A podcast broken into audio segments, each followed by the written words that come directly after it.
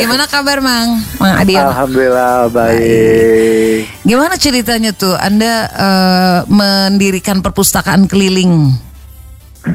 Ya awalnya kan saya bekerja sales di salah satu perusahaan pasti keliling lah ya. Apalagi saya di desa-desa kelilingnya. Melihat memang artinya akses bacanya masyarakat terutama anak-anak itu minim banget. Jadi saya pengen gitu punya gerakan gimana sih ini biar anak-anak bisa punya fasilitas juga untuk baca gitu. Oh. Akhirnya saya dirikan busa pustaka ini. Oh akhirnya itu eh, keliling ya berarti? Iya keliling. Pakai apa? Pakai mobil? Pakai motor dan kalau hujan baru pakai mobil. Sebelum pandemi memang saya stay-nya di taman ada di Bandar Lampung namanya Taman Gajah. Heeh. Itu saya stay di sana bisa sampai lebih dari 100 anak setiap gelar lapaknya itu yang datang. Oh banyak. Pada berkerumun. Kalau pandemi udah nggak bisa ya? Nah makanya itu bahkan sampai 200 anak saya pernah storytelling itu sampai tujuh kali saking ramenya anak-anak. Wow. Itu Mang Adiono sendiri yang cerita gitu di depan. Iya, Oh semua orang, sendirian. semua anak-anak pada nonton menyaksikan.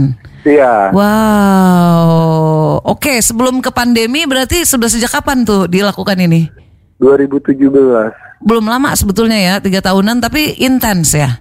Iya, setiap minggu. Setiap Karena saya kan minggu. kalau hari Hmm. biasa kerja Senin sampai Sabtu. Tapi memang kalau bisa pulang lebih awal, saya pulang kerja langsung ke tempat anak-anak. Ya Allah, kayaknya niat banget gitu ya. Luar biasa. Memang karena eh, kurang banget ya akses membaca ya di sana ya, akses buku ya.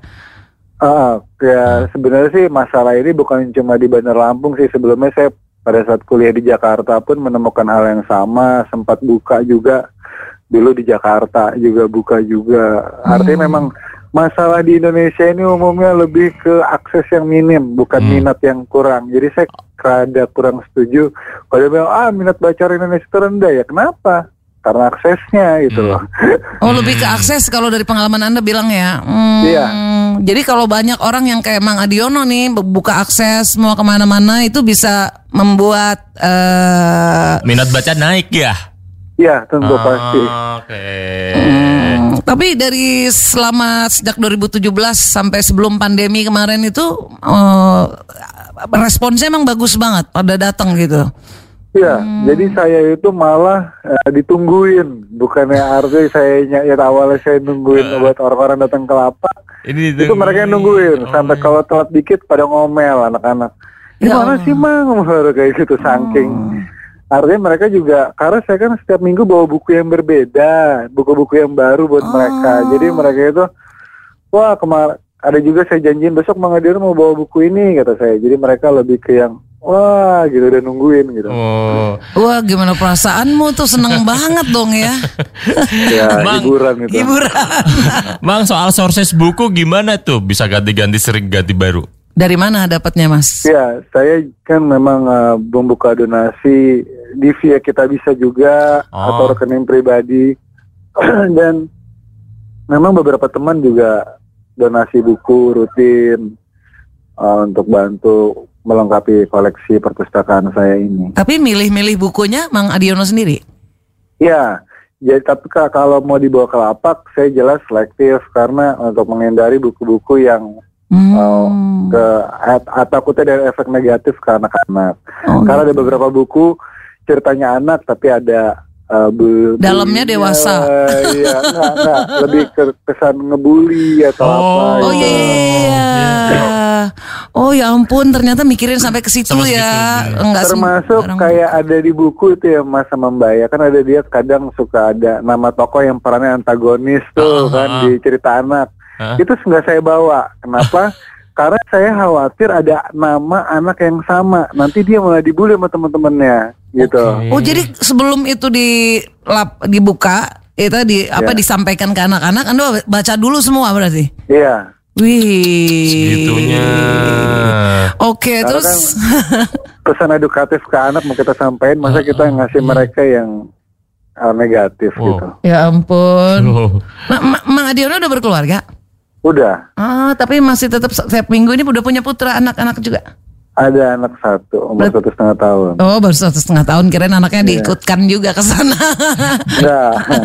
Terus gimana pas di tengah pandemi ini katanya pakai medsos juga ya untuk sarana pendukung. Hmm. Di saat pandemi ini saya lewat media sosial kayak Twitter dan Instagram untuk bikin video cerita juga ke anak-anak. Lalu memang saya saat pandemi ini door to door jadinya turunnya ke beberapa kampung Oh, iya? di Bandar Lampung ya. Oh. Jadi datang Jadi ke rumah yang- ke rumah dari rumah ke rumah gitu. Iya, tapi bukan hanya fokusnya meng- menga- apa minjemin buku juga karena memang sistem pendidikan yang mereka harus belajar di rumah membuat saya juga harus membantu para pendidik Wow. untuk mengajar anak-anak karena memang eh, nggak semua guru juga bisa untuk turun langsung ke murid-muridnya karena apalagi pada saat pandemi ini ada kekhawatiran juga Hmm. Makanya saya juga membantu untuk mengajar mereka dan alhamdulillah kemarin juga dapat donasi jadi saya bisa Hmm. men-share lebih dari 30 buku RPUL dan alat tulis untuk mereka. Hmm. Tetap dengan uh, protokol kesehatan juga ya kalau berkunjung Oh, iya. ya. Hmm. Iya. Dengan buku yang sudah disterilkan, terus penggunaan masker Hmm. dan ah, sebelum mulai pelajaran juga mereka juga pakai hand sanitizer. Oh gitu, menjaga menularkan dan ditulari Jangan ya kan. sampai. Iya. Tapi ini anda lakukan sendiri, Mang, Adi. Sendiri. Sendiri. Nggak ada teman-teman yang lain. Untuk saat ini yang biasa ada beberapa teman yang bantuin pada saat pandemi ini enggak karena saya kekhawatiran adalah mereka berkumpul di satu Iya. tempat gitu. Bener juga. Itu lingkupnya kawasan coveragenya di mana aja tuh berapa berapa berapa luas? Eh, ada tadinya ada tiga kecamatan yang saya datangi. Mm-mm. Eh, nah termasuk di besok minggu besok ini harusnya saya ada kelurahan baru yang saya datengin tapi ternyata beberapa hari yang lalu barengan itu positif sekitar 25 orang COVID. Oh my Jadi god. Oh. saya harus waduh waduh waduh waduh. Oh. Jadi saya langsung fokus di tempat awal saya dan menjaga anak-anak. Jadi saya Ah, sekarang setiap pulang kerja memastikan anak-anak itu aman Oke. di lingkungannya. Gak boleh ada yang keluar masuk Iya, iya. gitu larinya. Wah bagus juga kamu, Mang. Terus, eh itu namanya Busa Pustaka. Kenapa namanya Iya. Busa Pustaka? Saya kan salesman di salah satu perusahaan distributor yang fokus menjual sabun Oh, makanya tak juga. pikir kan harusnya bursa ya. Ini kok busa, busa sabun. Iya, karena sabun yang saya jual tuh busanya banyak. Jadi sih sebenarnya dari dari busa banyak, wah pustaka kan ilmu, jadi ilmunya banyak nih. Oh ilmunya ba- Tapi ada hubungan sama perusahaan nggak? Nggak ada ya? Hah? Ada hubungan sama perusahaan nggak kegiatan ini? Nggak ada. Nggak ada. Enggak ada. Emang mandiri banget ya. Iya, saya, Oh, saya dia. mau menjadi independen. Mm. Terus modalnya katanya pernah juga jual rumah. Eh, ini lagi mau. Lagi mau jual rumah. Iya, jadi kemarin tuh saya waktu awal motor, lalu ini rumah karena Hmm. sekarang pengen lebih ngelengkapin. Artinya mau kayak eh, motor roda tiga yang ada boxnya itu kan, lalu fasilitasnya itu lebih dilengkapin, Oh. ya.